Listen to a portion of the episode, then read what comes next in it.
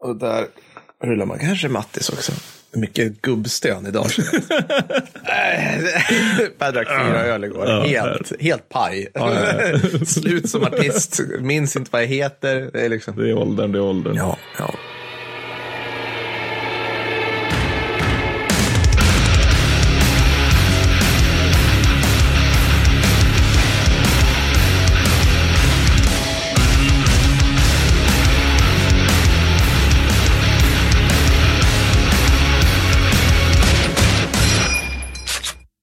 Väldofta, vackra, underbara lyssnare och patreons. Hej, välkommen till Krigsordpodden. Efter förra avsnittets bottenlösa haveri ska vi nu knyta ihop säcken. Ja. För det här är ju fjärde avsnittet i en serie om fyra. Ska man vara så himla... Ja, det det, det är väl det vi försökte göra. Ja. Alltså, vi har pratat om sydafrikanska kriget nu i... Det här blir fjärde avsnittet. Mm. Och det här är första gången vi gör det här. Ja, det är det. Så hör gärna av er och liksom, säg vad ni tyckte om upplägget. Mm. När vi spelar in det här så har vi, om vi ska vara lite transparenta, har vi släppt första avsnittet. Det verkade folk gilla, liksom, Mm. att de gillade upplägget. Men jag vet inte, det kanske är så att nästa gång vi gör så här vill folk att vi ska hålla oss till liksom, att vi har själva förloppet i fyra avsnitt. Snarare än att man har liksom, nedslag på det här sättet som vi har gjort. Alltså hur det är Precis. de respektive sidorna. Men vi får se. Det, det Precis. kanske är annorlunda om vi gör det här igen. Vi kommer ju prata en del om det här förloppet och Ja. då kanske ni har lite mer förståelse varför vi inte kavlar ut det här till fyra avsnitt. nej. because, nej. Ja, vissa andra krigshistoriepoddar kanske klarar av det, men ni är inte jag. Nej, alltså det, det, det, är- inte som typ krimkriget, att det finns, så här, det, här, det, finns bra ställen att sluta på, utan det är ju mer så här Malan, det är berg och sen går så ryssarna hem. Ja, ungefär så. Och allt faller. Ja. Nej, men, men det, eh, med det sagt så har vi någon, har vi någon så här skön jingel för det här? Fredrik är ju inte här, så vi kan hitta precis vad som Vi har en Afghanistan-kriget jingel, det har vi.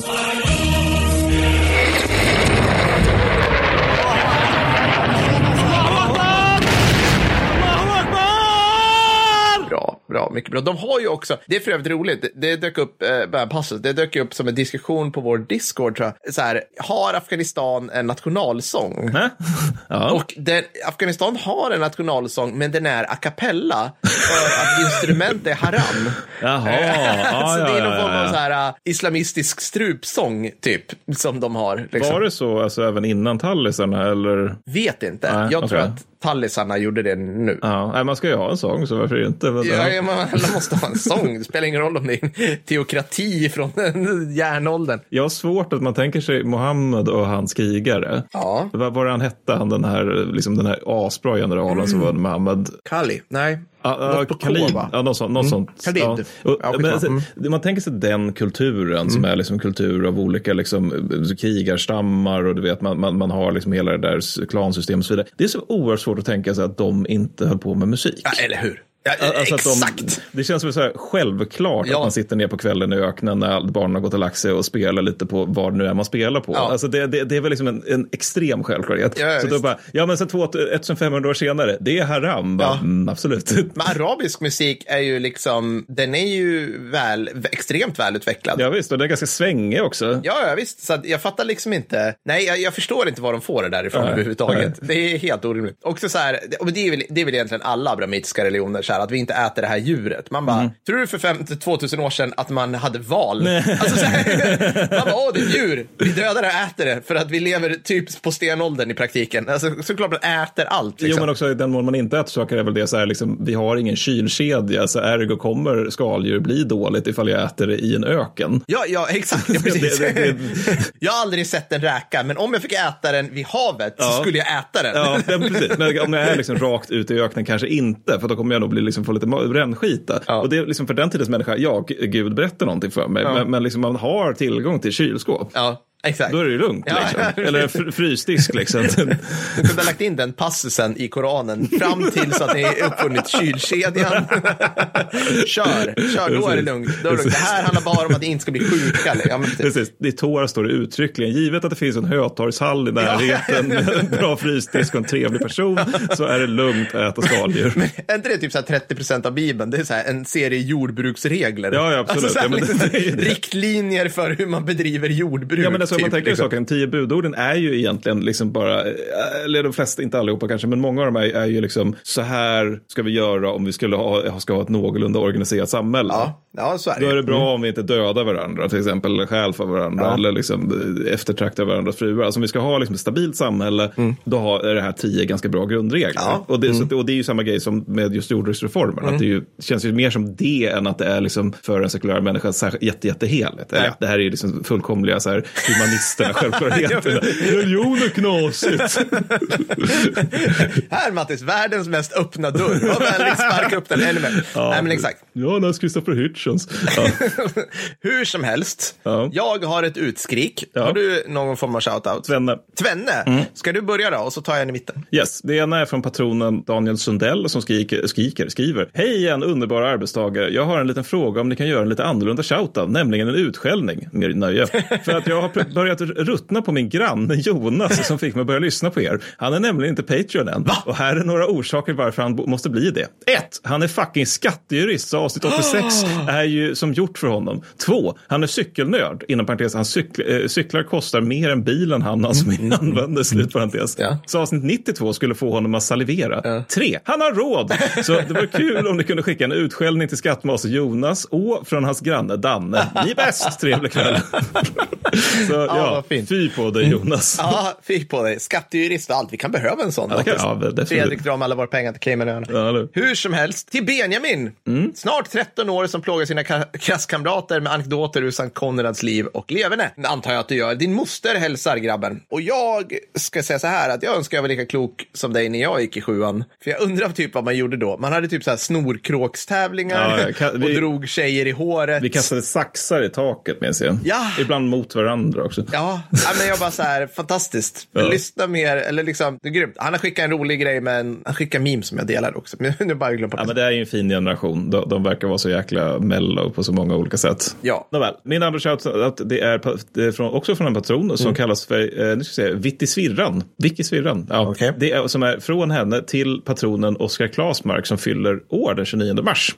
Vilket är ganska kort in på när vi släpper det här. Och hon skriver då, jag tror är hon i varje fall, för jag tror vi träffades på, på, på Firandet av Guldpodden. Grattis på födelsedagen Oskar. Tack för att du introducerade mig till Krigshistoriepodden. Tack så också, också för de två 1800-tals bajonetterna som jag fick i födelsedagspresent. Mer ära får man fan leta efter. Hoppas du får en fantastisk födelsedag. Åh, vad vackert. Ja, vad fantastiskt. Men med det sagt då, Ja. så vi, nu, nu, nu måste vi nästan köra för att vi ska gå igenom ett helt jävla krig. Men Ja. okej, Afghanistan mot Sovjetunionen, kriget som helhet ska vi gå igenom det här avsnittet. Då. Så att ni har fått höra taktiken eh, från respektive sidor och Mm. lite grann om vilka de var. Och ni har också fått höra om hur det började. Så nu Mm. ska vi liksom försöka gå igenom själva förloppet lite hastigt och lustigt. Då. Och eh, vid tidigare avsnitt så har vi förkunnat, jag tror det var avsnitt 98, Mm. att Tjetjenienkriget nummer ett är ungefär Ukraina-kriget fast bootleg-varianten. Mm. Ja, det här är bootleg Vietnam. Ja, ja. Det är verkligen det. Alltså EPA-varianten av Vietnam. Och när vi säger bootleg, det, det är verkligen så här Gucci stavat med HS och typ ett K. Alltså det här är, det här är så, det är så obviously crap. Alltså, det, är, absolut, det är så absolut. bottenlöst. Det, det är ungefär som, det är som, har ni sett de här, de här nigerianska actionfilmerna? Mm, just det, just det. Alltså så här, de fast liksom jämför dem i förhållande mot liksom The. Rock. Alltså Ja. så här, ja precis. Alltså det, den liksom. Ja, okej. Ja, nej, Så men, men, okej, men, men det finns också många likheter med, med Vietnam då, Ja, det eftersom det är bootleg Vietnam. Så att vi har 642 000 sovjetiska soldater som tjänstgör i Afghanistan totalt under hela kriget. Alltså de tjänstgör inte samtidigt utan i vågor. Och de är konsekvent för få, lex Vietnam återigen. Piken är 1985, då är de 115 000 man. Och jag vill återigen stryka under att det här är på en oerhört stor yta. Alltså det är alldeles för lite. Sen fylls de här på varje höst och vår med nya värnpliktiga. Och man tjänstgör då i två år medan Mujahedin tjänstgör tills de dör eller går över till andra sidan Ja, eller ja. bara går, liksom, slutar bry sig. Alltså det, det, De tar ju långa pauser men går hem och odlar lite Ja. eller drar och röker på i Pakistan över vintern. Ja, alltså ja, sådana ja. där saker såklart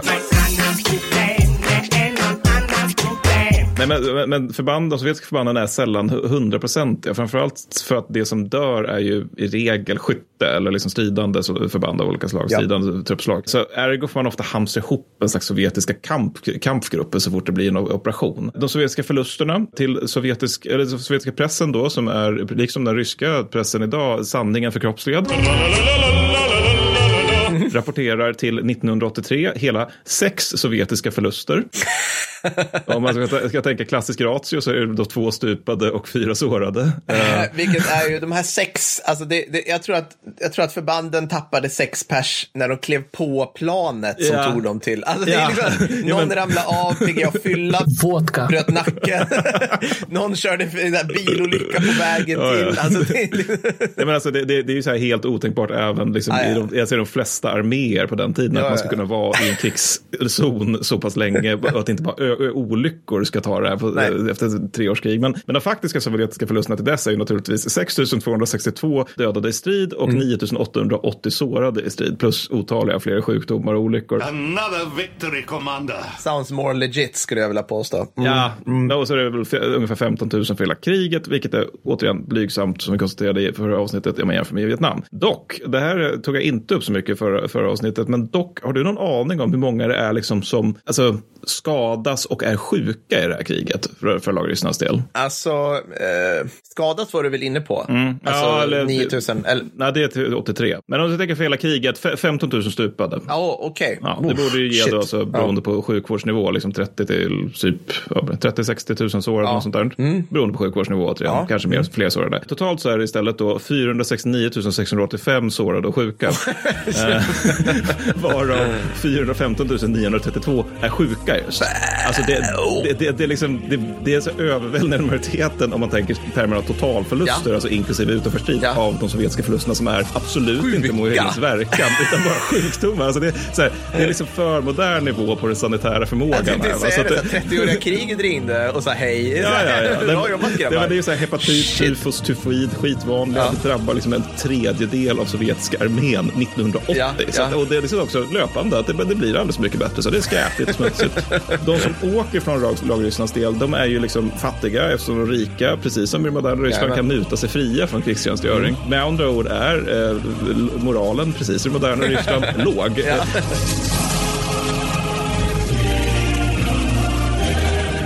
Och här, men här finns ju också en, alltså redan till att börja med, men här finns ju också en likhet med Vietnam. För även där tenderade man att inte skicka de som gick på college. Nej. För de fick ju vara hemma och protestera mot kriget istället. Ja. Eftersom de inte behövde utkämpa. Utan man skickade folk från, du vet, Monkeys Eyebrow, Nebraska. alltså den typen av så här, lite mindre kända ställen än liksom eh, Berkeley. Så de, de, de som åker också får inledningsvis höra att de ska strida mot amerikanska och kinesiska legosoldater. Ah. För att i Ryssland jobbar vi med sanningen. Jajamensan. Ja, tänk dig deras överraskning där. Imagine my surprise. Nej, men de möts ju istället av en afghansk befolkning som i stort inte tycker om dem. Och de Nej. har också ganska svårt att fatta landet. För att, och det här kan jag tycka, det här är ganska synd om dem. För att alltså, de, de, de är ju liksom, de är ju uppfostrade i en kommunistisk värld. ja. Ja. Och då, då är liksom definitionsmässigt så att det man tänker sig som liksom krig som konfliktyta, det är ju liksom ett krig mellan socialism och kapitalism i praktiken. Och här då så kommer de för att de ska få höra att vi ska hjälpa någon form av ädel brö- bröd och socialistisk regim. Och det som möter de är liksom så här lokala fogdar som plockar skatt från luspanka bybor, vilket ju är den afghanska landsbygden Ja. forever.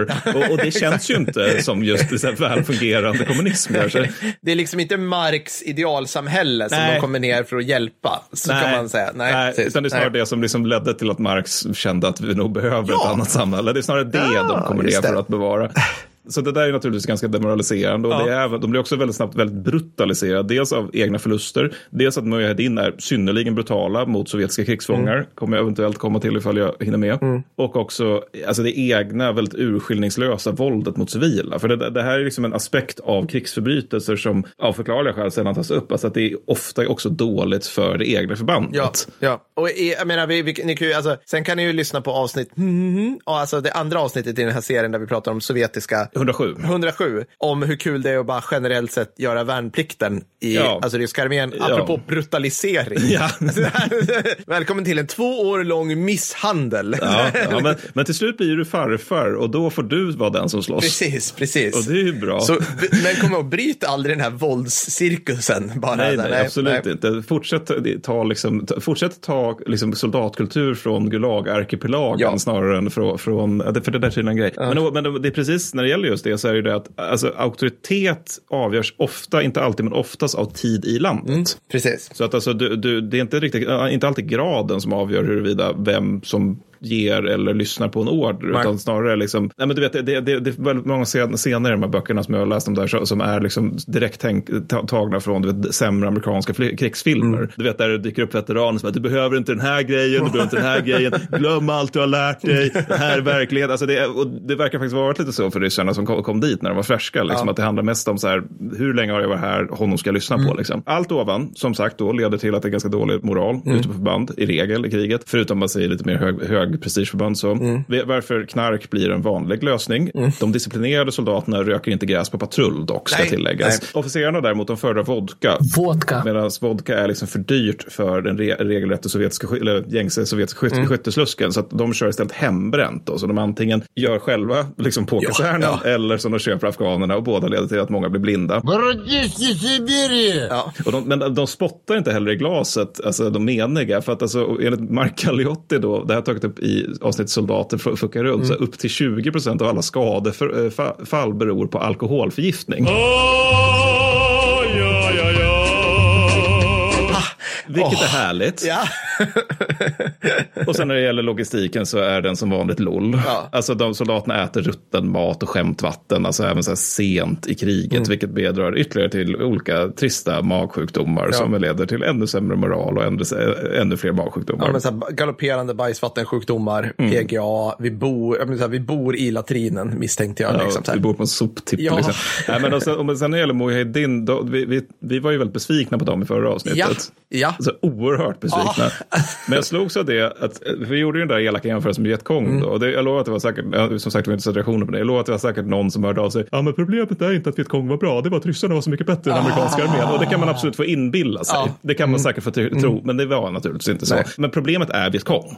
Och problemet är att vi gjorde den jämförelsen med Vietkong. För jag tror snarare det att Mujahedin är nog mer som en gerilla i regel är. Kanske. Alltså att, vi tänk, att Vietkong är problemet. Att vi har liksom vant, vi har liksom bilden av en gerilla är den här liksom stramt disciplinerade organisationen som i praktiken har en reguljär armé som understöd och utkämpande, eh, utkämpar strider åt den. Mm. Ja. Medan man tar du vet, alla dessa vaga miliser man har läst om i Af- från Afrika Ja. under årens lopp. De är ju typ som Mujahedin. Alltså att det, det är liksom också det här att folk går hem, man slåss lika mycket mot varandra och civilbefolkningen som mot liksom, den fi, nominella fienden. Jag, jag, vet, jag, jag kan ha, jag, jag skulle nog sätta en, en medelkompetent af, afrikansk bokstavsgerilla Mm. över Mujahedin ändå. Med tanke på, nu går vi händelserna i förväg, men alltså DRA, alltså Demo- Democratic Republic of Afghanistan. Som är detta, detta alltså, det, Alltid ett bra tecken när man måste säga att man är demokratisk. Ja. Ja, men det är så jävla perfekt. Vilket är, alltså, det får ju korthus att framstå som liksom det tryggaste byggena i världen. Det, här. det överlever ändå, jag tror det är typ ett par år Ja. efter att ryssarna har lämnat. ja, det är sant. Det är sant. Så att liksom, så sant. dåliga är Mujahedin. Ja, ja men det är faktiskt sant. Precis, medan så här RPA eller SANU PF eller någon av de där, eller fel, RPFR på den tiden, de, Ja. de, de lyckas ju välta under lite starkare stater. Så. Ja, men liksom koalitionen, afghanska regeringen, hur länge höll de efter att USA lämnade nu, nyss? Liksom, Ja, det var väl 20, någon vecka 21, eller någonting, Liksom. och sen- Ja, men liksom. Ja, jo. Nej, men men sen bara grovt förlopp, sen ska du få prata lite grann om, om eh, liksom, terrängen och så vidare. och de där jävla krabbspindlarna eller vad fan de heter. ja, kamelspindlar. Kamelspindlar. Ja. Ja. det är äckliga saker. Nej, men det grova förloppet för hela kriget. För obs, vi kommer inte gå igenom det år för år. För det är liksom inte meningsfullt. Alltså, det, det, det är så skissartat krig där. Men alltså, grovt förlopp är, Sovjetunionen inleder kriget med att förhäxas av städer. Mm. Alltså, det, och det, är- det är inte så konstigt för de, de själva kommer ju från ett mer urbaniserat land än vad Afghanistan Mm. är. Alltså, det, det är städer, det är där folk bor, det är där liksom intelligensi, Mm. intelligensian och administrationen är. De ska vi ha, liksom, de ska vi hålla. Och städerna de styrs då av afghanska PDPA-partiet. Vilket är liksom någon form av nominellt so- socialistisk agenda som folk på den citat traditionella slutcitat landsbygden inte gillar. Nej. Och också det här problemet att, att alltså, liksom städerna föraktar ju landsbygden. Och, och det är ju den här tysta överenskommelsen att Afghanistan Det här är också sen för evigt i Afghanistan. Ja, ja, ja Alltså, absolut. ja, men det är också det, här- det här liksom, tyska överenskommelsen att landsbygden är okej med att, att städerna styr, påstår att de styr så länge de inte försöker styra. Ja, ja, ja, då, då har vi ett stort problem. Ja, men, men de försöker ju, so socialisterna försöker, jag tror en grej var ju typ så här, låt oss inte behandla alla kvinnor som kreatur hela tiden. Och landsbygden Ja. bara, va? Nej. typ, Så kan vi inte såna- ha det. det är sådana grejer ungefär. Det är, ja. Ja, visst. visst. Nej, men, men, och ryssarna, det de förstår när det gäller landsbygden dock, och det här är också någonting som ryssar, eller kommunister ofta har lite svårt att begripa, det är det här med att, eller det är ju liksom Mao och östasiatiska kommunister som kommer, kommer in på det, men det här problemet att Marx pratar ganska lite om bönder. ja, ja, så är det. Så att, så att de, de men de har så lite svårt att förstå sig på landsbygden. Men, men de, de, det de förstår är dock att landsbygden hjälper Mujahedin. Och sålunda försöker de liksom, i möjligaste mån, jag sa det 107 avfolka, men det menar jag inte att de försöker döda alla. Men de försöker liksom göra landsbygden till en hostil plats att vara på. Alltså de, de, de, och det lyckas de ganska bra med. Via brutalt våld, mineringar, sprängda åkrar, förgiftade brunnar, döda boskap och så vidare. Och därför gör det svårare för Mujahedin att hänga ute i byarna. Då, vilket leder till att det afghanska jordbruket är nere på liksom så här, men 200-talsnivå Ja. när, när vi är färdiga med det här kriget. Den- föll från 400-tal till 200-tal ungefär. Nej, Ja, men alltså, det är en det, fullkomlig Ja, katastrof, ja. verkligen. Ja. Alltså, så total katastrof för afghanska landsbygden. Och Mujahedin de svarar då på, på det här med att upprätta logistiska baser i bergen. Då. Ja. Och sen konkar de förnödenheter från Pakistan dit. Och dessförinnan så har de gått från att försöka möta Sovjetunionen i fält, vilket faktiskt, alltså riktigt tidiga kriget försöker de faktiskt. Mm. Liksom, nu, nu ska vi liksom upp till ädelkamp sådär, till att de snarare slåss när det är fördelaktigt för dem. Mm. Den övergången går dock ganska snabbt av förklarliga skäl. Sovjetunionen de liksom anpassar också, för de gör sina styrkor lättare ju längre kriget går. Mm. Alltså, det gör de liksom ganska snabbt, att de inser att vad fan ska vi ha alla stridsvagnar till i det här kriget? Mm. Vi, vi kan liksom ta bort lite stridsvagnar, ta bort lite flygplan och satsa mer på helikoptrar och lätt infanteri. Mm. Sen är liksom den sovjetiska strategin från 85 och framåt, det är egentligen bara att försöka hitta de här logistiska baserna och förgöra dem, vilket går ibland, vilket var inne Mm. Ja. på i 109 blir det väl. Och det här leder ju till att eh, Mujahedin tidigare bott sina hem, nu bor de i bergen och intensiteten i operationerna präglas eller dikteras väldigt mycket av vem som styr i Kreml. Just det. Alltså att mm. ju, ju liksom beroende på vem det är som sitter, bero, så mycket kommer folk dö i Afghanistan. Så till exempel Tjernenko, han, han vill segra. Mm. Så att då blir det mer fight. Medan Gorbatjov, han, han vill ganska snabbt känna, känner han att jag vill nog mer ut och då Mm. blir det mindre fight. hur många sekreterare hann de ha under kriget? Ja, Började det med blir väl- Brezhnev? Nej. Ja, nej. jo, Brezhnev är först och sen är det över Tjernenko, vad heter han, Andropov, heter han? Och sen så, det är de här två som bara sitter jätte, jättekort Ja, och sen det. så är det Gorbatjov. Så det är fyra totalt blir det. Ja, mm, okej, intressant. Jag är bara nyfiken. Men du ska nu få prata lite grann om eh, terrängen och, och en trevlig farbror. Ja, men det här, det, här, det här är en punkt som jag tänker så här. Det blir, ju- det blir inte häftigare än att jag säger så här. Att det är extremt varierande terräng Ja. såklart som man strider i. Alltså så här, för att det är ett land. Det här är ju så här, det här är det som gör mig arg när man, man tittar på typ så här science fiction. Du vet, för det är så här, vi kommer till den här planeten. Ja, det, det hela planeten är öken. Hela planeten är skog. Hela planeten är Just det, just det. stad. Och det, Alltså, det, det, är, det är enhetsterräng och det är också samma, liksom, samma befolkning på, Ja, på hela exakt. planeten. Ja, ja. Alltså att Navis är blåa oavsett vart de är Precis. någonstans. Och precis lika långa, precis samma, liksom, allt. Ja. Det, ja, men exakt så. Och så är ju faktiskt inte ens Afghanistan, fast det är mer, det är såklart, det är mer homogent, jag vet inte vad nu, men hur som helst. Så vä, vä, det som är, det som, det som man ofta strider runt, ska jag säga i stor utsträckning, det är ju vägar. Ja. För det är där som vi har varit inne på att Mujahedin genomför eldöverfall. Och vägarna kan gå genom, alltså helt sinnessjuk kanaliserade terräng. Alltså jag har åkt på en väg, en fin asfaltväg, söder om Mes, Ja. där liksom klippsidorna nästan möttes ovanför vägen. Liksom. För det är ju Hindukush utlöpare Ja, alltså, som, som går där. Det är alltså del av Himalayas bergskedja som korsar Afghanistan. Ja. Så att du har ju bananas berg där liksom. Mhm. Som, som bara är överallt. Så du, så du har ju liksom, speciellt också som du kommer att komma till med Panjshirdalen och, och gränsen mot Pakistan, Mhm. så har du ju alltså vägar som går liksom kläng, alltså så här, hänger över stup på hundratals meter längs bergskedjan. Alltså det är typ piss. Alltså, Ja, det, ja. det, det, det är liksom drömmen för alla eldöverfall någonsin. Det, det låter dock väldigt, alltså, väldigt dramatiskt och vackert landskap, vilket jag antar att det är ganska svårt att komma ihåg när man har M90K på sig och är orolig för att någon ska skjuta på en. Nej, det, ja, men, men det, är- alltså, det minns man tydligt. Det är jättevackert. Ja. Liksom, och så. Och framför allt, jag menar, jag, nu, ska, nu ska jag vara ute på riktigt tunn is och säga så här, att jag misstänker att precis som i i striderna i, som koalitionen var med om, som ISAF var med om Mm. under War on Terror, så var det relativt chill i de norra delarna Mm. och mycket, mycket pissigare i de pashtun-tunga, lite centrala södra delarna. Mm. Och skillnaden däremellan är ungefär så här, norr så finns det jätte, där, har vi ö, där finns det öknar Mm. och väldigt, väldigt mycket öppen yta, liksom. vilket är nice om du är en sovjetisk motorskyttebataljon, Ja. för du, du kan skjuta på långt håll. Det här är det som vi är utbildade för. Liksom. Ja, men precis. Du ser horisonten åt alla. Du kan tänka så här, mm, det här är centrala Tyskland. Nej, men du vet, så här, vi gillar det här, det här är liksom Central European Plains, det är det här vi ska köra på. Du kan liksom, händer det någonting så kan du gå ut på linje liksom där, mer eller mindre. Så här. Men sen har vi då i syd, i typ så här Helmand, och där finns det alltså just nu så här extremt håriga klipp på nätet, där typ britter ligger nedtryckta i så här tät vegetation, alltså det är typ häckarna i Normandie-känsla på det här. Där liksom stridsavstånden är maximalt 50 meter. Just det. Det, finns, det, det här tycker jag är jättebra. Kolla mycket på alltså, Armadillo och eh, Restrepo och de här. För där, är, där är de ju, följer de ju faktiska stridande förband. Liksom. Så att det finns ju allt möjligt. Och sen har du ju kopplat till det då såklart också alla dessa så här compounds som man kallar det. Alltså, för det här ska man förstå att afghanska byar, och det här tror jag stämmer typ över hela landet, de är, de är ju byggda liksom runt att du har ett boningshus och sen bygger du en bajsmur runt den liksom, din gård som är din gård. Där inne har du två getter, en fru, ett koppel med barn och en hund. Liksom. Och så bor du där och sen på morgnarna tidigt som fan går du ut i din åker och pysslar med det här går du tillbaka. Och sen bygger din granne ihop, alltså hans han använder ju en av dina murar till sin mur så, som går runt. Så det blir liksom som det, ett ja. gäng Mm. liksom, små fort. Men det blir liksom som, som fyrkant, eller som en hög, ett gäng fyrkanter som man ställer, eller rektanglar som man ställer bredvid, bredvid varandra. Ja, men precis. Ja. precis. För att de har ju aldrig, de har inte gått någon, alltså, de har inte genomgått en skiftesreform som vi gjorde. I Sverige, alltså, de, men det ser ut som, som våra byar såg ut för 200 år sedan. Ja, alltså så.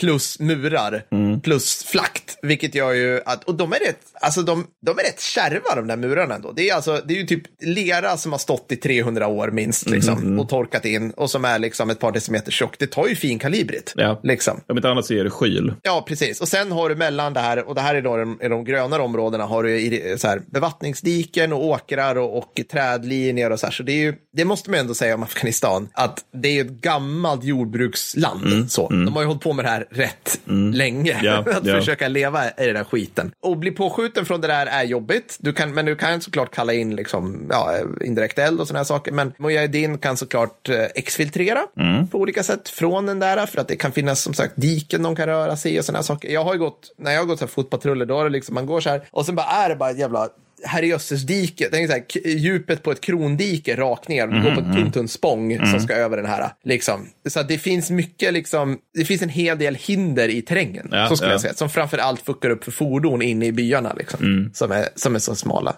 Det är väl det, skulle man kunna säga. Alltså, så- Det är miljön, det är stridsmiljön. Liksom. Utöver det så är det- du har ju städer också. Ja. Och de, de, är, de har ju så att säga riktiga hus och bu- butiker och sådana här saker. Liksom. Jag har alltid slagits av det att det måste vara så märkligt, att, alltså man vänjer sig vid allt, men det måste vara så märkligt att bo i den här typen av länder som det ändå finns några stycken av, där liksom städerna är typ som Berlin, liksom, fast lite fattigare. Ja. Och så landsbygden är på biblisk tid. Ja. Alltså att det är liksom att det räcker med att du åker bil två och en halv mil, Ja. så har du bytt millennium.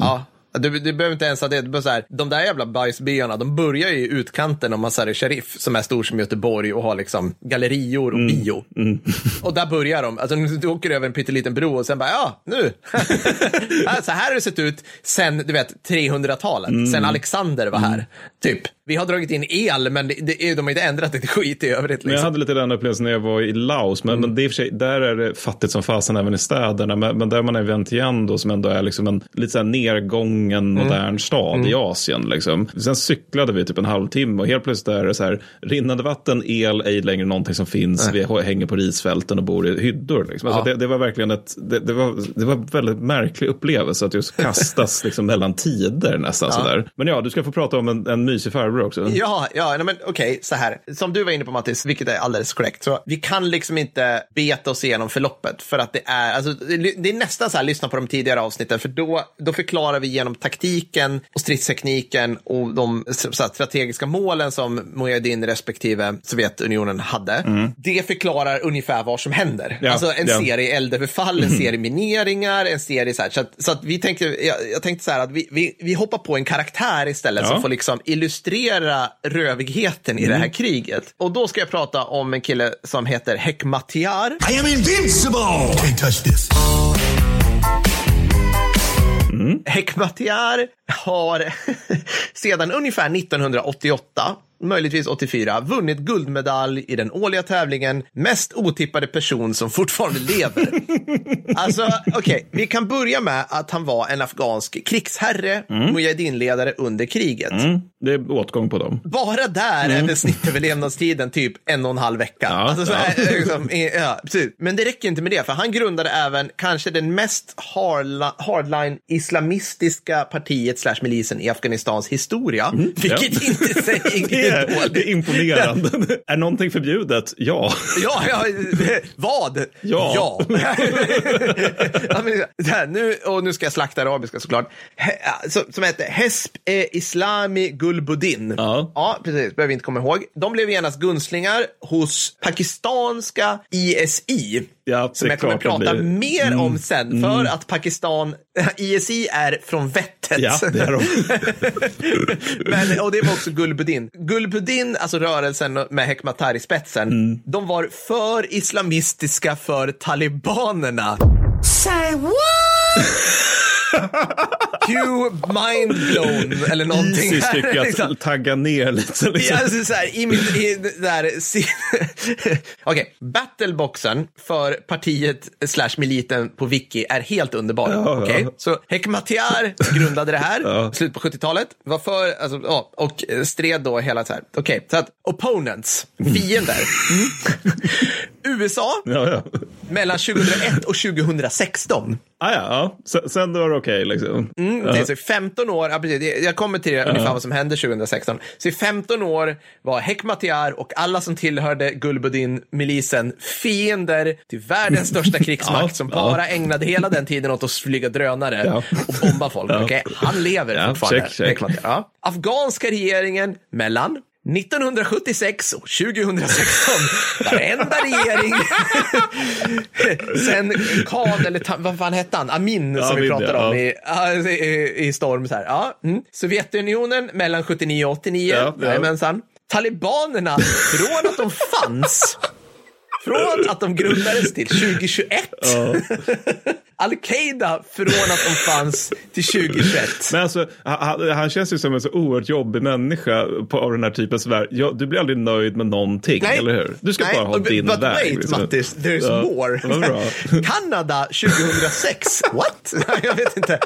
Och till sist Armenien Oj, under ja. 1993. Oj, Ja. Det måste vara första Nagorno, va, tänker jag. Ja, Som, och, så, det. De- och det skulle inte förvåna mig, Hekmatyar bara, har vi ett krig där borta som jag kan blanda mig i? Jajamensan, jag förklarar krig mot Armenien.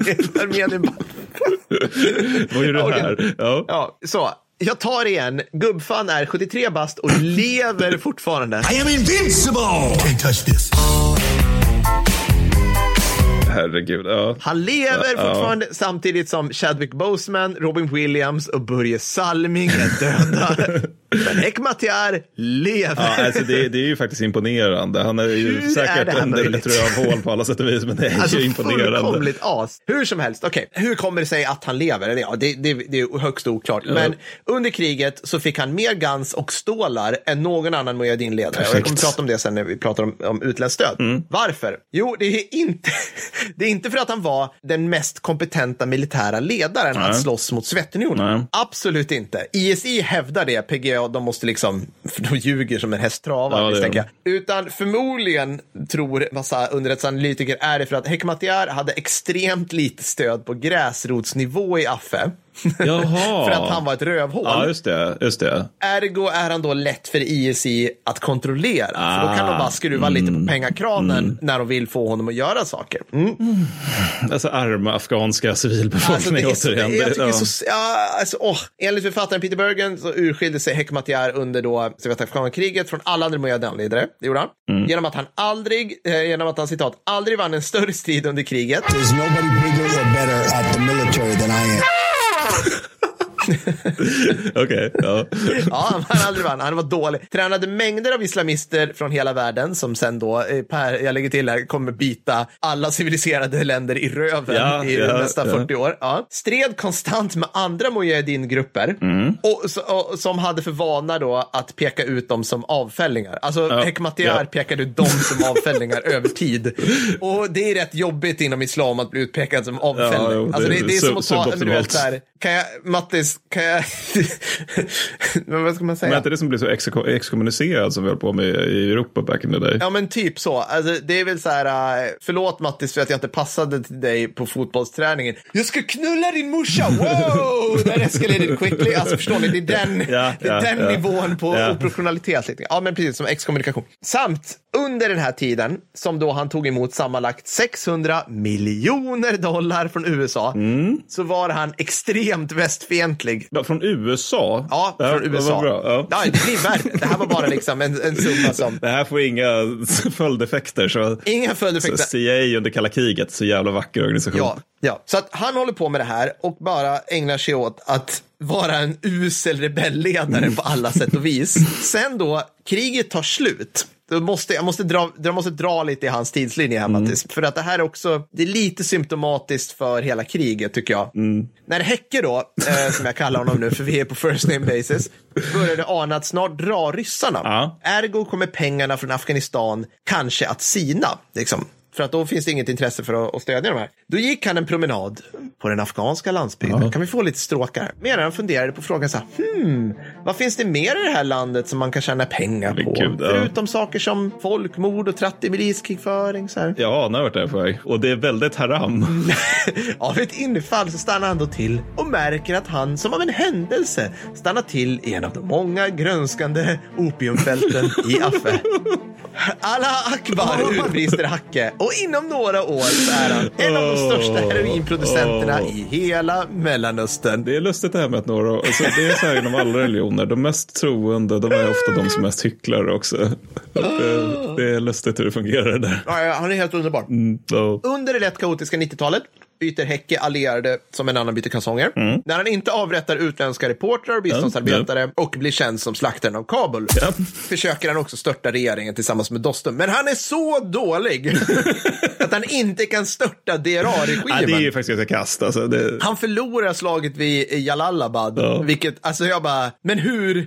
Alltså, han får liksom, han får DRA, vilket är alltså DRAs armé, vilket är alltså proto-ANA, Ja, alltså det är sämre än. ANA att framstå som kompetenta. ja, ja. Men alltså annars Dostum är ju också en jävla karaktär, milt sagt. Ja, det är också en jävla karaktär. Han är ju så här, så här, ibland är han utrikesminister, ibland är han krigsherre, Ja. ibland är han för regimen, ibland är han Ja. mot den. Men trots då att Häcke har varit i krig med afghanska regimen från 76 till 2021 Ja.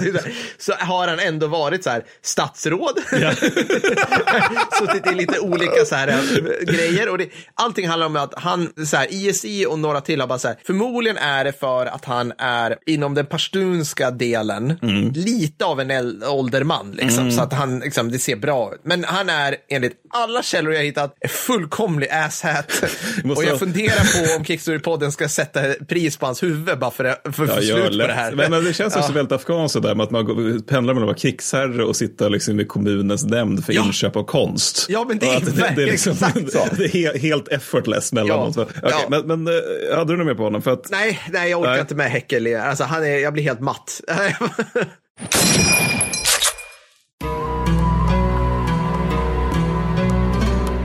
Abu hörde av sig häromdagen och kan erbjuda oss hugade afghankännare en riktig familjeresa. Vandring i bergen mellan Afghanistan och Pakistan. Men det blir bättre. Där kommer ni nämligen få en autentisk upplevelse i form av att med kobjällror och hårda ord, mer behövs inte, avväpna någon bortglömd Afghan Local Police checkpoint och ta deras guns och sedan sälja dem i en basar på andra sidan bergen i Pakistan. Hmm, det här är alltså perfekt för hela familjen då medföljande barn får sig en pedagogisk lektion i sakers värde. Barnen kommer också närmare naturen då det i resan ingår odling av lite vallmo. Men oroa er inte, barnen kommer bara få lära sig att framställa halvvekt opium. Vuxna däremot får hälften av vinsten för den mängd heroin ni kokat ihop under fredagens familjekväll som sker då eh, mot slutet av den resan. Mattis, du bekostade väl altanen genom det här va? Jajamän. Alltså, ni hör. Du kommer alltså tjäna pengar på den här resan. Win-win.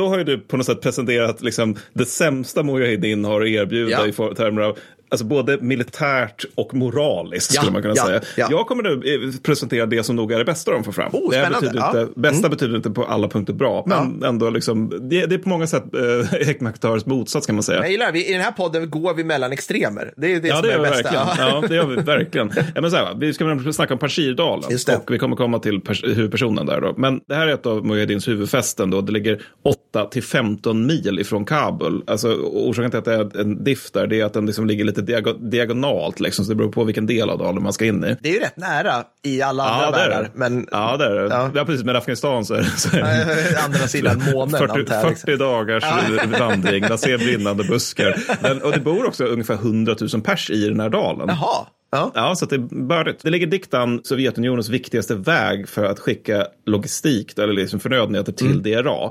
Och även för att få in sovjetisk trupp.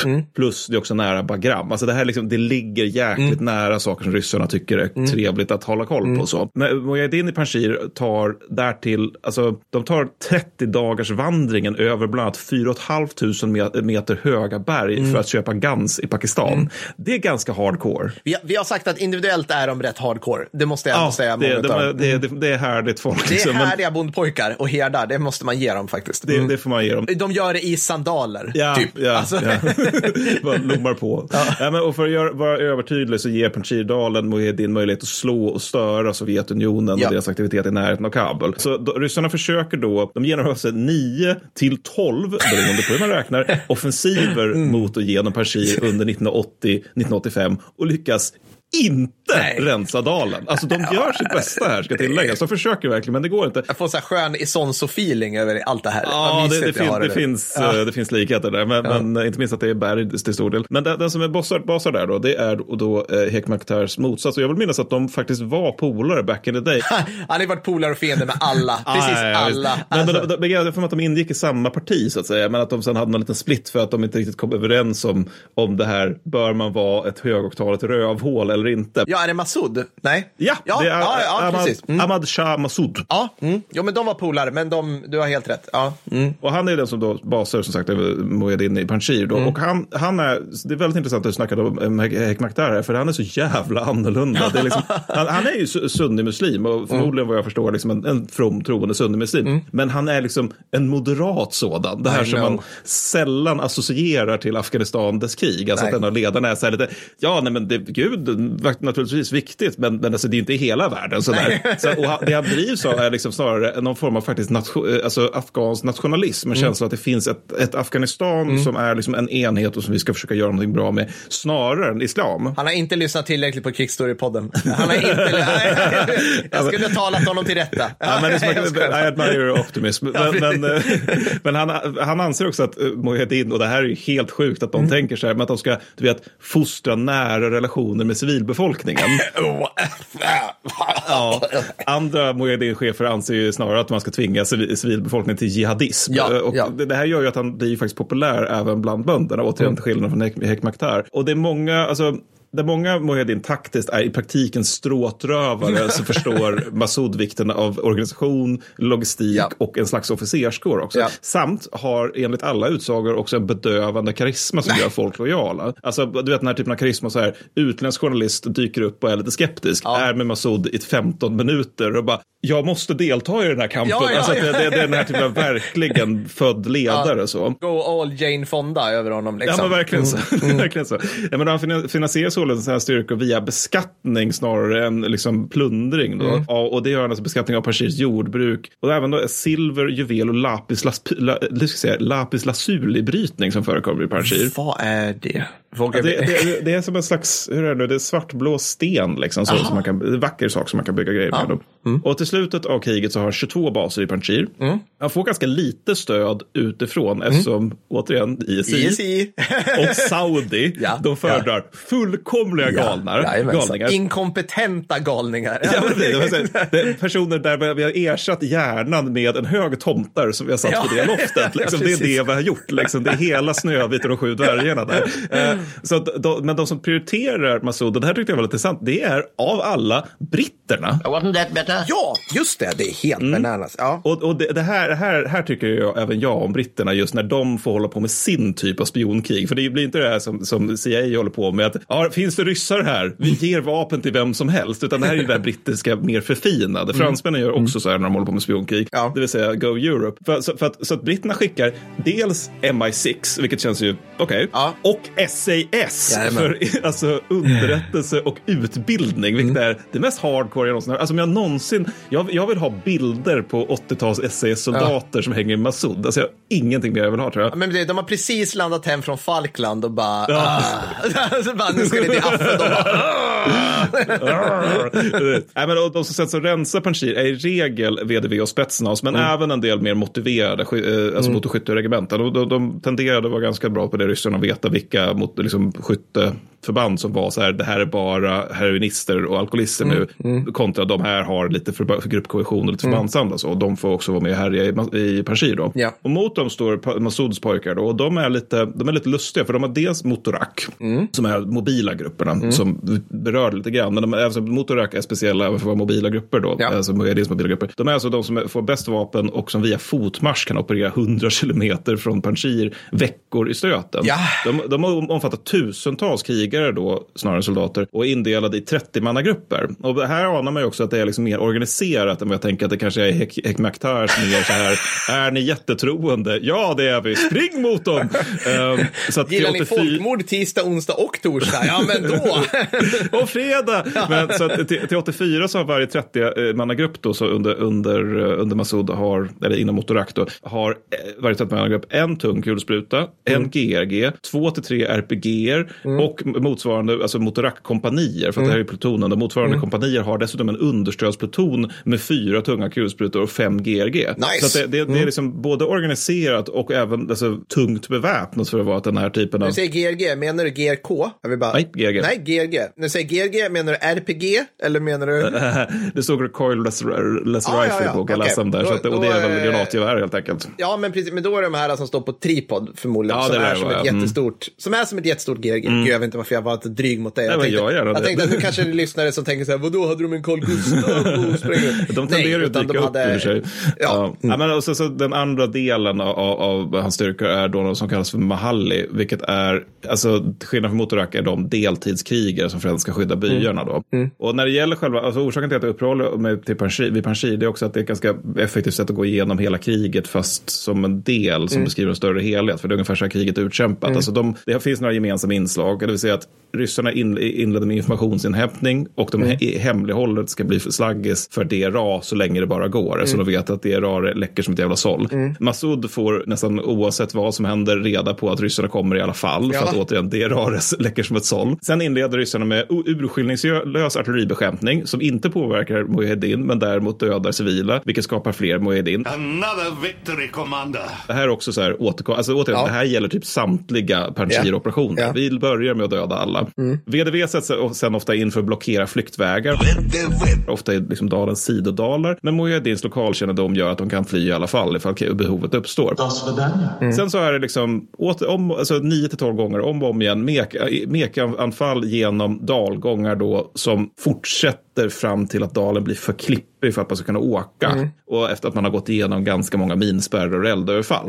Sen lämnar, när ryssarna har liksom gjort det här, gång 8 och 9, då, då lämnar man kvar en, liksom lite garnisoner här och var. Eh, De här beskjuts konstant av Mujahedin tills man sätter igång en ny operation. Och när ryssarna inte anfaller så används Panjshir av Massoud för grillakrig och, eller egentligen för att grilla sig utanför dalen. Ja. Och intressant nog så är styrkorna aldrig stora. Det, det är inga jätteförband som sätts in i det här. Alltså från ryssarnas sida eller från... Eller... Inget är det. Nähä, okej. Det, det, här är alltså, det här är nog några av de större operationerna under hela kriget, men det, fortfarande, det är litet och det handlar mycket om att återigen, ryssarna är inte många i landet. Nej. Till stor del, eller för, till nästan uteslutande del politiska skäl. Så är det väl som det varit för alla länder nästan som strider i Affe, eller och framför allt för ryssarna. Alltså det här är ju trollolol-nivå, att de alltid har brist på skyttesoldater. Ja, precis. Ja. Det, Mm. det, det finns inte så många att sätta in till att börja med. Så att som mest, så, den största operationen att jämföra är Panjshir 7. Mm. Där är ungefär 15 000 ryssar då. Och den är våren 84. Mm. Medan eh, Mujahedin då möter upp med typ 3600 man. Alltså det, det är Mm. mer oklart för det finns inte samma tydliga organisation där. Men, men, men, så det är typ det största det blir. Och det innebär att förlusterna räknas i hundratal eller som mest i tusentalen. Mm. Alltså det, det, är inte, det, det finns jämförelse med Isonzo men inte liksom graden av blodighet. Utan där blodet är ju framförallt för de civila naturligtvis. Och båda sidor förklarar sig också konsekvent som segrare under samtliga Panjshir-operationer. Och Ja. båda har också på sätt och vis rätt. Alltså ryssarna tenderar att uppnå sina taktiska mål. Ja. Alltså de, de har ett taktiskt mål och de, de lyckas med det. Mm. Men Mujah- Mujahedin, de har ju ställt då sitt eh, strategiska mål. Det vill säga att överhuvudtaget överleva. Mm. Så att återigen, här har ju ryssarna lyckats bli tyskar på ett jävla sätt. Att bra, taktiken har vunnit. Fan, strategin gick åt helvete. Men det som sticker ut, sen ska du få snacka lite mer om det här med vapenstödet. Då. Mm. Det som sticker ut är 1983, för då är, sker det faktiskt en tillfällig vapenvila. Mm. Och det här gör ju Mossad bara ännu starkare och mäktigare eftersom Afghanis, Afghan, alltså gängs afghan ser att oj, ryssarna behandlar honom som en legitim förhandlingspart. Ja, just det. Ja, precis. Det Och är då- liksom, alltså jag, Mm. jag fattar att de gör det. Det, det vore väl skönt om vi kan få liksom Panshir att lugna ner sig Mm. lite grann. Men, men det är ändå så här, det finns en, en alternativkostnad där. Det är att Mm. vi har just legitimerat honom. Och så, den sovjetiska förhandlaren då, han och Massoud kommer så, så fruktansvärt bra överens. Alltså, de trivs verkligen i varandras sällskap. karisma, återigen. Vad roligt. Ja. de, de kommer så bra, alltså de trivs så oerhört bra i varandras sällskap. Så när han förhandlaren ska dra sin väg, då, då, då, då liksom Massoud, han, han erbjuder förhandlaren att stanna, du kan stanna kvar här. Du, du kan få, vi kan bygga ett hus åt dig och du får välja vilken, vilken fy, fyra av de vackraste kvinnorna i Panjshirdalen som kan bli dina fruar. Och eh, den här ryssen då funderar lite på saken och så bara, fast jag, är, jag är ju gift så, så att, eh, jag får nog tacka nej liksom. Vad trevligt att träffas. Jag gillar ändå att han funderar på det. Ja, det jo, tycker jo. jag var fint. Liksom. Ja. Ja. Just det. Men det, är det lite grann som om typ så här, USA hade förhandlat med Ho Chi Minh eller något sånt där? Alltså den nivån av liksom... Ja, fast Ho Chi? Minh var åtminstone statschef. Liksom. Så det är mer som Ja, att USA, ja, nej, men liksom, du vet, så någon av de här vaga, det gjorde man i och för sig, alltså, någon av de här vaga miliserna i Irak. Gjorde man det? Ja, man gav, det var någon, jag minns inte av vilken, om det var sunni eller shia-milis, man gav pengar för att de skulle börja slåss mot de andra miliserna. Det gjorde Ja, man typ 2006 där någonstans, samtidigt som man drog igång The Surge. The Surge, just det. Surge. Nej, men så det, det är Massoud och det är Panjshir och det är, alltså det här är typ så kriget som helt går till också. Det vill säga ryssarna anfaller någonting, Mujahedin drar sig undan, båda sidor anser sig vara, va- vara segrare. Afghanerna konstaterar att nya klockorna vi har tiden. Och sen så håller det bara på så. Det, ja, och jag, jag gillar ju också för att det är också så skenbart enkelt. Tycker jag. För, eller liksom det är enkelt och det visar lite grann trattigheten också. För att i Afghanistan så finns det en ringroad som går runt hela Afghanistan. Om du tittar på kartor, om ni, alltså, eh, kolla på kartor kring det här och liksom Mujahedin. Då är det liksom, det är en pil som, eller liksom, det är en röd väg som går ner från Tadzjikistan och så går det en cirkel runt som täcker in, liksom, ja, som passerar typ alla viktiga städer. Och det är det enda som liksom ryssarna håller uppe Ja. hela tiden. Ja. Det är den vägen. Liksom, det är en väg som går, den är lång som fan. Visst, och visst. eh, otroligt olika liksom, status och standard på den på alla ställen, men, men liksom ändå väldigt eh, roligt. Så att man bara, ja, men håll den då, eller gör något. Nej, nej. det, nej, Nej, nej, det blir det inte. inte. Liksom. Men du ska snacka lite om stödet utifrån också. Ja, det ska jag absolut göra på väldigt kort tid, men jag ska försöka. Så här va? Fredrik är inte här. Fem Nej, Fredrik, minuter. nu kör vi. What trickery is this?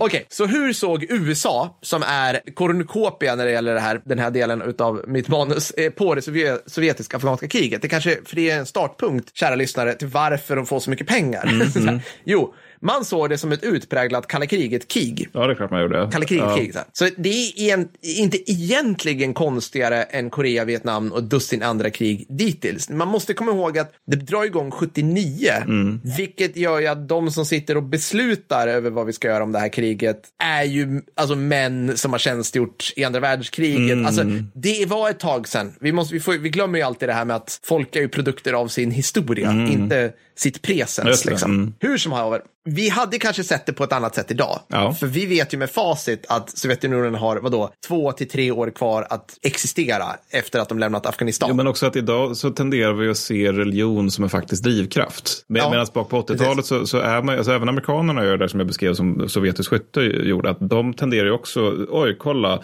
Unita i Angola. Ja, just det. Ja. Det måste vara demok- en demokratisk kraft för att de slåss mot MPLA som är kommunister. Ja. Alltså att de, de gör ju också den grejen Ja. hela tiden. och att man tenderar att, att, eh, att se religiösa drivkrafter som extremt underordnade, alltså den, det här stora liksom, eh, demokrati, kapitalism mot eh, socialism, kommunism, den, den grejen. Ja, men precis. Så är det. Men, men hur som haver, och, och återigen då med facit i hand så hade egentligen kunnat bara suttit och käka äppelpaj och kolla på baseball. Ja, och det här ja. Mm. hade förmodligen rätt ut sig ändå för Mujahedins grejer. Men det gjorde man inte, utan istället så gav man ett bistånd som bestod av mellan 6 till 12 miljarder dollar.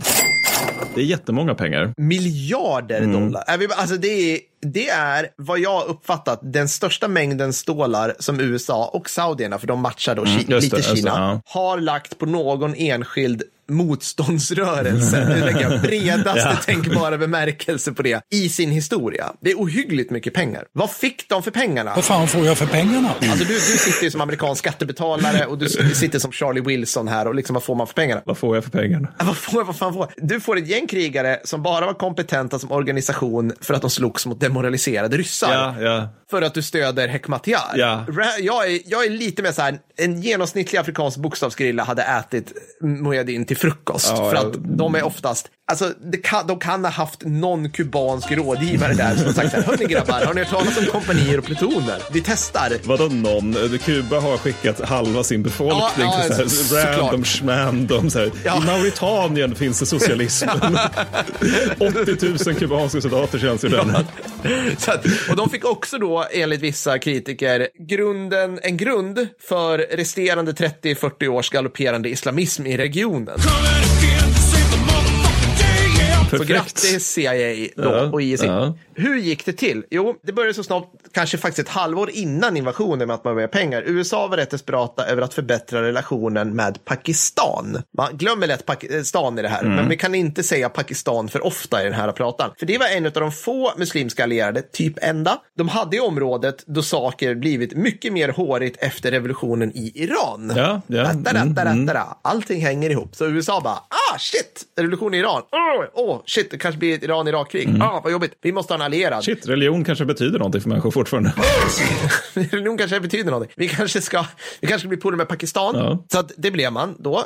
Och alla pengarna då gick ju då genom ISI som vi kommer tillbaka till. Mhm. Men huruvida, och det här, därför det här, det här ser jag framför mig kommer vara någon som skriver det här. Huruvida USA förväntade sig eller räknade med att USA ska invadera. Mm. Det har debatterats. Huruvida de räknar med att Sovjetunionen skulle invadera. Exakt, alltså huruvida de ett halvår innan Sovjet invaderade, de sa så här, hörni, vi öser in massa stålar till den här miliserna, så kommer du, Sovjetunionen invadera, då får vi, då hamnar de i sitt Vietnam. Nice, liksom. Men man, man tror inte det. Alltså det. Svaret lutar åt nej nu. Man tittar liksom, för att Carter var väldigt förvånad när de invaderade. Ja. Alltså alla var så här, oh shit, Det hade ju här, varit väldigt aha, så bra femdimensionellt schack så ifall de hade gjort det. Men, men, Ja, men typ så. tråkigt för afghanerna kanske, men, men, Ja, men, och de, grejen var ju också att vi vet ju idag att ryssarna var klappkassa, Mm. Ja. Mm. alltså så galopperande trattar. Det visste man inte. Nej. Man bara, Sovjetunionen invaderar Afghanistan. Ja. Mm. Skojar ni med mig? Det här kommer vara över tills på lördag. Alltså så här, de, de kommer ju krossa det här. det hade man ingen aning. Okej, så vad, men vad fick man då för pengarna? Eller rättare sagt, vad fick Mujahedin då? Man, fick, man började med ammo till Mujahedins gamla fina repetgevär, Ja, som jag berättade om i förra avsnittet. Slutar såklart inte där. CIAs logistiska kreativitet känner inga gränser. För via Israel kommer erövrad rysktillverkad utrustning som israelerna plockat på sig efter Yom Kippur. Mhm. Och från Egypten kom gamla ryskgrejer som de helt enkelt uppgraderat sig ifrån, alltså Egypten. ja, ja. Det här är lite grann, jag tycker det är lite grann som stödet till Ukraina idag när man plockar fram, när man, man hittar gamla så här AK47 RPG och minor liggandes liksom i gamla så här mobbförråd i Tjeckien. Ja, vet. visst. Eller de här polska stridsvagnarna som är väl någon variant av T72 som man har moddat lite grann. Ja, ja, precis. Och ISI då, som förtjänar ett eget avsnitt som en Oh my God, stämmer detta-organisation. De, liksom, man skulle i gaming-termer kunna kalla ISI för chaotic neutral. Det är liksom, så här, Mattis, tänk, tänk, dig, tänk dig Mossad fast yvigare Ja, ja. i och för den muslimska världen. Allt är liksom. möjligt. Ja, de skickar allt det här till de Mujahedin-rörelser som de var polare med för dagen, nästan utan undantag eh, de islam mest islamistiska. Ja. Tillsammans med ett antal operatörer från väst, bland annat SAS som du var inne på, Mm. så utbildade man också Mujahedin i träningsläger längs gränsen. Enligt uppgift, och tar nu fram säcken med salt En blandning av salt och stoppar ner dina händer i den, så utbildar man cirka 83 000 Mm. Ja, jävlar. Mujahedin Ja. mellan 83 och 97. jag bara, jag dubbelkollar här, jag bara 97. Okej, ja, ja. Eh, för, att, för att liksom, det här kriget, Det är som att man glömde trycka på off-knappen för den off-operationen. typ, ja, men "Ah, ryssarna sticker, bara- men alla bara, Kör på. Det, Ja, men vi vill fortsätta. Typ. Och ISI, alltså de här rövhålen, de uppmanar även frivilliga från allsköns arabstater att komma och strida också. Vilket återigen så här, mm, vi lägger grunden för någonting som är jobbigt om några decennier. Kring 1986 hade CIA verkligen fått upp ångan och nu ramlar Stingers in, Ja, Mattis. ja. Man, man öser in hundratals miljoner dollar varje år och man, man, man, måste- man är kreativ för typ, det dyker upp så här en Mujahedin, eller vad säger en, en amerikansk rådgivare och bara, hörni, alltså, ska vi inte ta och invadera Sovjetunionen? alltså, det vill säga, de Mujahedin-rörelser som finns i norra Afghanistan, de kliver helt sonika över gränsen Jaha, ja. och invaderar Tadzjikistan. SSR, Ja, alltså det här var ja. delrepubliken på den tiden. Eh, jag antar att Pakistan bara, nej alltså nej! Lite över gränsen kanske. Inte där liksom. Vid det här laget hade också Reagan 86 kommit ut med sin doktrin där han uttryckligen sa att vi kommer att beväpna och finansiera alla som vill piska kommunister i allmänhet och största, Sovjet, störta Sovjetunionen i synnerhet. Så nu är det är liksom lite fritt blås, men sen 89 är det ju klart. Ja, ja. Alltså för då sticker ju ryssarna och, och USA och Pakistan i viss utsträckning. De bara, nej men vi skiter i det här tror vi nu. Vi, eller vi drar ner pengarna jättemycket. Det blir en hard stop. Och sen Mattis börjar det här roliga. De här gamla kompisarna CIA och ISI med sina respektive regeringar. CIA om jag förstått det rätt, de bara, Massoud är inte från vettet. Nej. Så vi kanske stödjer honom då. Ja. Liksom. Mm. ISI, Hekmatyar. I am invincible! Can't touch this.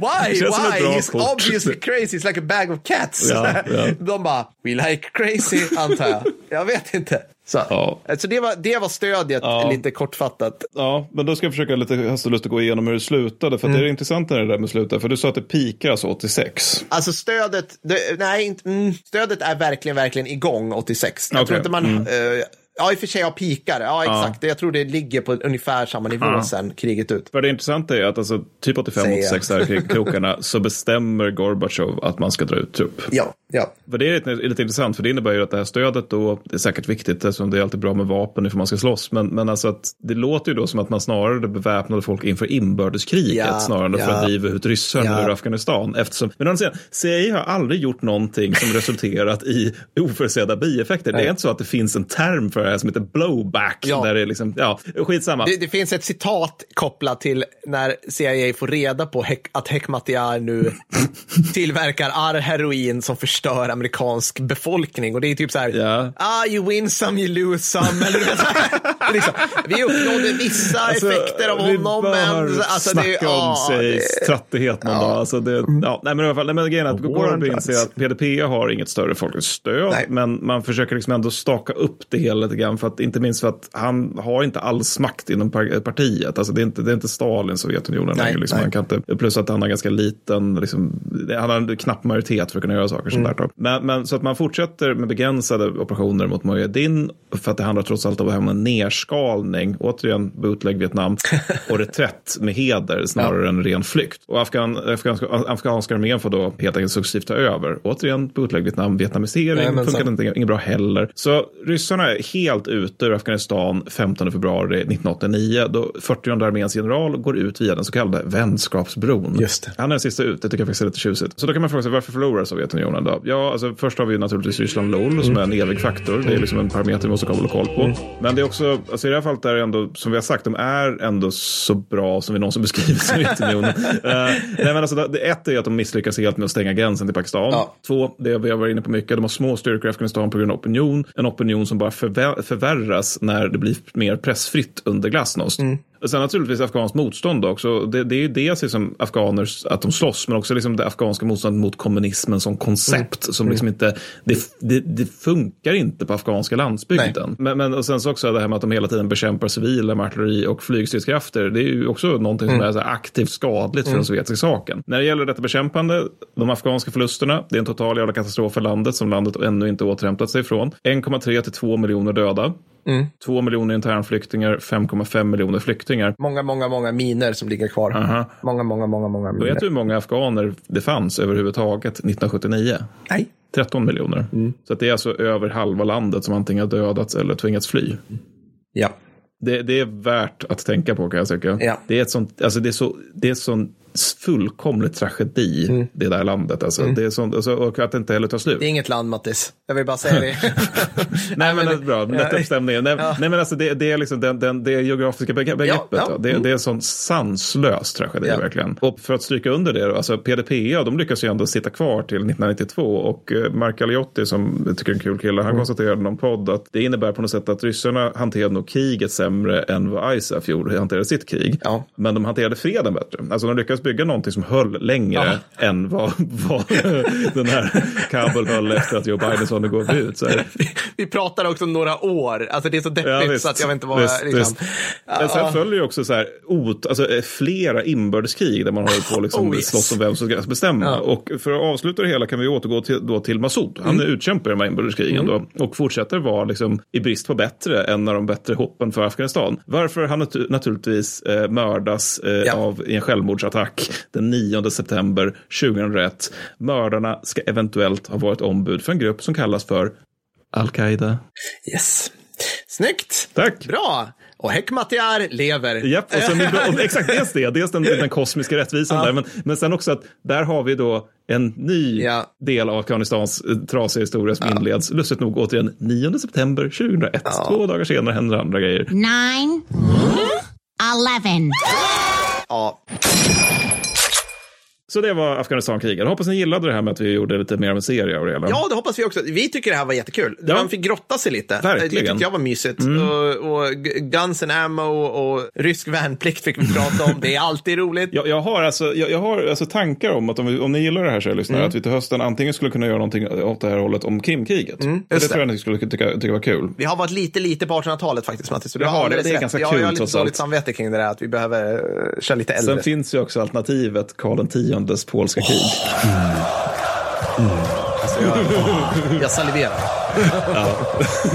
ja. men toppen. Hörni, underbara lyssnare. Nästa avsnitt är ju ett extra avsnitt, men det vet vi inte vad det blir än. Correctus. Det ska ni få, ni underbara Patreons, rösta om snart. Däremot, avsnitt 113 kommer vara samtal med en krigsvetare. Det är ju ett arbetsnamn. Vi har pratat med Oskar Jonsson. Ja. Han är en underbar Vi individ. kan kalla det Lilla Fyllepodden, för vi blev mutade med öl för att vi skulle få göra, av hans förlag för att vi skulle göra det. Exakt så. Men vi pratar väldigt lite om hans bok. Så Ja. att, eh, ja, men det var för att ölen inte var så god. Nej, förlåt. Nu, nu snackar jag. Klipp allt det här Fredrik. Hörni, tack för att ni har lyssnat. Stort tack för det. Så hörs vi snart. Ha det bra. Bra. Hej. Hej då.